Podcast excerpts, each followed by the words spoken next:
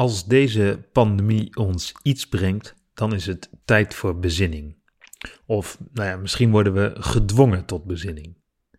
Alles wat we vanzelfsprekend vonden of ongelooflijk belangrijk in onze bubbel, blijkt dat ineens toch niet meer zo erg te zijn. Of anders te zijn in ieder geval.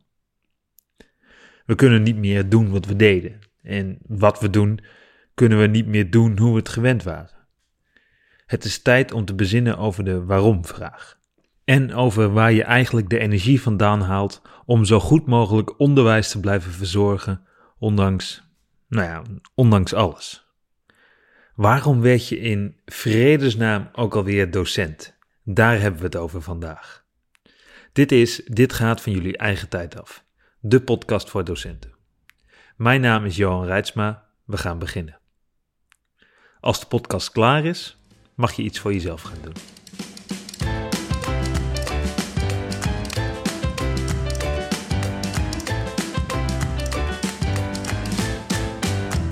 Vandaag hebben we het over het waarom. En ik verwijs daarmee naar de gouden cirkel van Simon Sinek. Jullie kennen het en hem misschien wel. De TED-talk waarmee hij spreekt over dit idee van de gouden cirkel staat in de top 3 best bekeken TED-talks ooit. Dus ik heb het geen zin zelf bedacht, maar ik wil het wel met jullie delen, omdat het mij en zoveel anderen zoveel heeft gebracht. En het kan jou ook zoveel brengen, daar ben ik zeker van. Goed, de gouden cirkel. Dit is een soort bullseye, moet je je voorstellen, van drie ringen of cirkels in elkaar. En de buitenste ring staat voor wat, wat we doen. En de middelste ring staat voor hoe, hoe we iets doen. En de binnenste ring staat voor waarom. Waarom we doen wat we doen. Ik zal ze even toelichten. Het wat. Alle bedrijven of organisaties, en dus ook scholen, weten wat ze doen. Hoe groot of hoe klein ze ook zijn en in welke sector ze ook opereren. Iedereen is zonder problemen in staat om de producten of diensten te beschrijven die een bedrijf verkoopt, of de taak of functie die ze binnen het systeem hebben. Het wat is gemakkelijk te identificeren. Hoe? Sommige bedrijven, scholen en mensen weten hoe ze doen wat ze doen. En hoe dient vaak als een verklaring voor de manier waarop iets beter of anders is. Hoe is al wat minder voor de hand liggend dan het wat. En veel mensen denken dat, ja, dat het de motiverende factor is bij een beslissing. Maar er is nog die binnenste ring, het waarom. En er zijn maar weinig mensen die duidelijk kunnen verwoorden waarom ze doen wat ze doen. En als ik waarom zeg, bedoel ik niet om bijvoorbeeld geld te verdienen, want dat is een resultaat. Met waarom bedoel ik, wat is je doel, je, je motief, je geloof? Waarom bestaat je aan school? Waarom kom je iedere dag eigenlijk je bed uit? En waarom zou het iemand interesseren? Ik zal een onderwijsvoorbeeld geven van de cirkel. Het wat, uh, dat is de les die we geven met het materiaal dat we hiervoor gebruiken. Bijvoorbeeld de methode of meer zelfgearrangeerd materiaal. Hoe uh, door een gepersonaliseerde of gedifferentieerde werkwijze, of misschien wel gewoon frontaal voor een bord, in een lokaal. En het waarom kan zijn uh, om leerlingen voor te bereiden op hun rol in de maatschappij of de samenleving, of zoiets. En hoe je je onderscheidt als school, dat gebeurt dus ook bij het waarom. Want het waarom is je overtuiging en je motief. Hoe je je les wil geven en wat je doet, dat kan veranderen. Het onderwijs is immers constant in verandering, maar daardoor verandert je waarom niet. En oh ja, deze drie dingen, waarom, hoe en wat, moeten in lijn staan. Dus als je bijvoorbeeld mondigheid of regie van leerlingen heel belangrijk vindt, maar je bevraagt ze niet of je geeft ze geen kansen om zelf regie te nemen. Nou goed, eh, je snapt het punt. Naar de huidige situatie dan, nu, nu we thuis zitten, nu we verplicht vanuit huis werken. Wordt nog eens bewezen dat we onze passie en energie halen uit waarom we iets doen. Immers, het, wat is veranderd, want we kunnen niet meer ons volledige programma aanbieden vanuit huis. En ons hoe is ook veranderd, simpelweg omdat we niet meer uh, in dat lokaal staan, uh, niet meer op school zijn. Maar ons waarom, dat is niet veranderd. De reden waarom we doen wat we doen, dat, dat is niet veranderd. Dat is waarschijnlijk ook de reden dat we nu nog steeds overeind staan op dit moment. En de Gouden Cirkel is in eerste instantie gericht op leidinggevenden, uh, schoolleiders in dit geval natuurlijk. En hoe zij hun medewerkers en docenten echt weten te inspireren. Als een schoolleider je voorkoudt wat je moet doen of hoe, dan denk jij waarschijnlijk, ja, ja, dat weet ik wel. En waarschijnlijk weet je het zelfs wel beter. Maar als hij jou en je collega's kan inspireren door duidelijk te maken waarom jullie gezamenlijk je stinkende best doen, wat die verre stip op de horizon is, dan wordt de kans op inspiratie al een heel stuk groter. En het is trouwens niet de bedoeling dat die stip aan de horizon ook daadwerkelijk wordt gehaald hoor. Maar de bedoeling is wel dat we met z'n allen enorm ons best doen om zo ver mogelijk in de richting te komen van die stip. Het waarom is wat dat betreft alles behalve smart geformuleerd, maar laten we daar nu even wegblijven. Die gouden cirkel richt zich dus vooral ook op schoolleiding. Maar de gedachte, het idee, geldt even zo goed voor jou en mij. Zeker ook in een tijd dat persoonlijk leiderschap erg actueel is. Wees de leider die je graag wil hebben. Daar hebben we het eerder al over gehad in deze podcast. Wil je dat er naar je geluisterd wordt? Luister. Er is een waarom voor een school, waarom die bestaat. Maar er is ook een waarom voor jou en die is heel persoonlijk. Het idee is dat ieder mens één waarom heeft, eentje. En dat waarom is zeg maar af in je adolescentie, ongeveer. Dan is het gepuber wel zo'n beetje voorbij en is de opvoeding wel enigszins ingedaald.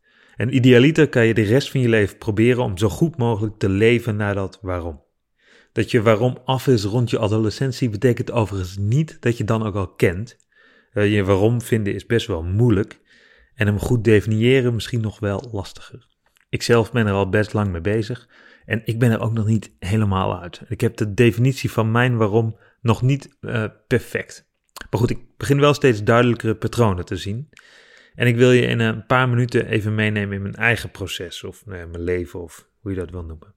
En dit wil ik doen om aan te tonen waarom ik het zo belangrijk vind dat je je waarom vindt. En hopelijk kan ik hiermee ook aangeven dat, uh, hoewel ik erg geloof in de visie van Academy for Learning, dat niet betekent dat dat ook mijn waarom is. We kunnen allemaal erg geloven in de visie van de school, maar we hebben allemaal een eigen reden om überhaupt voor de klas te gaan staan. En om die reden, daar, willen, daar gaat het over.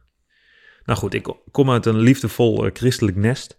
Zelf ben ik niet gelovig en ik weet eigenlijk niet of ik dat ooit echt wel ben geweest. Maar ik heb nooit moeite gehad uh, met het geloof of God aan zich. Wat ik wel moeilijk vond, en vind eigenlijk ook nog, is dat gelovigen soms zeggen: zo zit het. Mijn werkzame leven dan. Al op jonge leeftijd ben ik in de zorg gaan werken. En dat heb ik uiteindelijk zo'n, nou ja, 15 jaar gedaan bijna. Ik werkte met gehandicapten en ik denk dat ik vanaf dag 1 altijd op zoek ben geweest naar kansen voor de cliënten waar ik mee werkte. Daarna maakte ik een carrière switch en ben ik journalistiek gaan studeren. Dat vond ik logisch, niet direct omdat ik journalist per se wilde worden, maar omdat ik onderzoekend ben en erg van schrijven hou. Na mijn journalistieke opleiding kwam ik terecht op een tenderdesk. Niet omdat ik daar zo lekker journalistiek aan de slag kon, maar omdat ik graag schrijf. En ze zochten een tekstschrijver om in te schrijven op aanbestedingen. Een baan die erg gericht was op de interne processen. En nu, nu werk ik bij Academy for Learning en dat is weer volledig anders, omdat het juist heel erg naar buiten gericht is in het ondersteunen van docenten. En ik voel me daar heel erg uh, op mijn gemak. En het zijn vier heel verschillende voorbeelden over dezelfde persoon. Ja, ik. Maar er is een ding wat overal terugkomt. Al is de tenderdesk niet te vergelijken met de zorg en de zorg niet met journalistiek. En wat overal wel terugkomt, is mijn waarom. En dat, dat waarom is, denk ik, dat ik mensen wil inspireren om hun perspectief te verwijden of te verbreden. Ik heb me altijd verzet tegen het geloof in mijn opvoeding. Niet per se tegen God, maar tegen het idee dat wat jij gelooft de waarheid zou zijn. En dat dit daarom goed is en dat niet.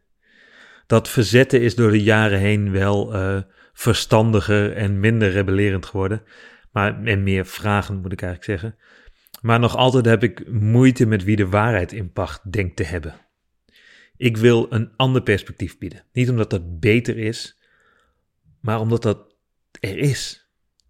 In mijn tijd in de zorg nam ik nooit genoegen met wat iemand had opgeschreven als de onmogelijkheden of de beperkingen van een cliënt.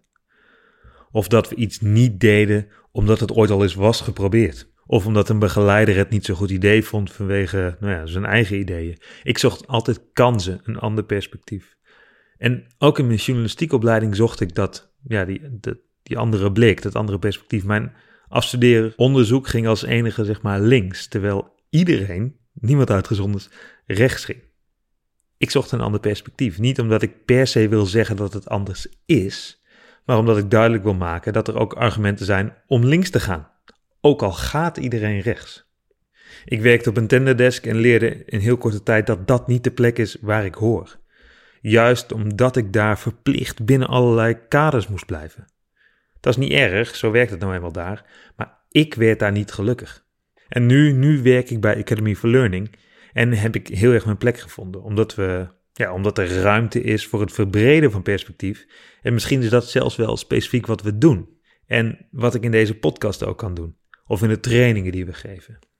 En ik vertel dit verhaal over mezelf omdat ik veel verschillende dingen heb gedaan, maar dat mijn waarom altijd overeind is gebleven.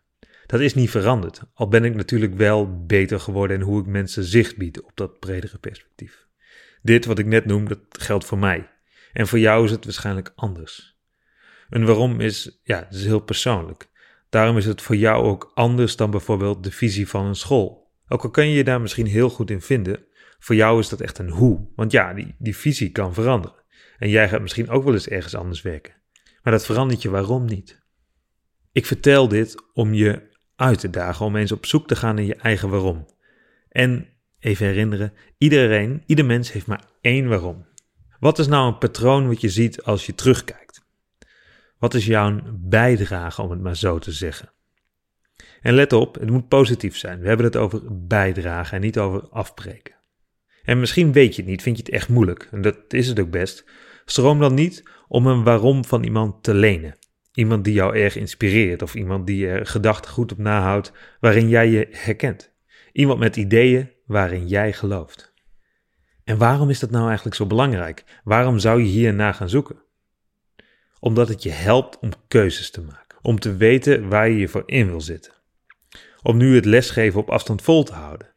Weten waarom je in al die bochten wringt om leerlingen toch nog zo goed mogelijk onderwijs te blijven geven, ondanks deze hele situatie.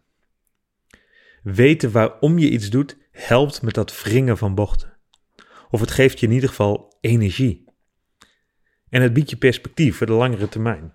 Want passen de keuzes die je moet maken bij jouw waarom?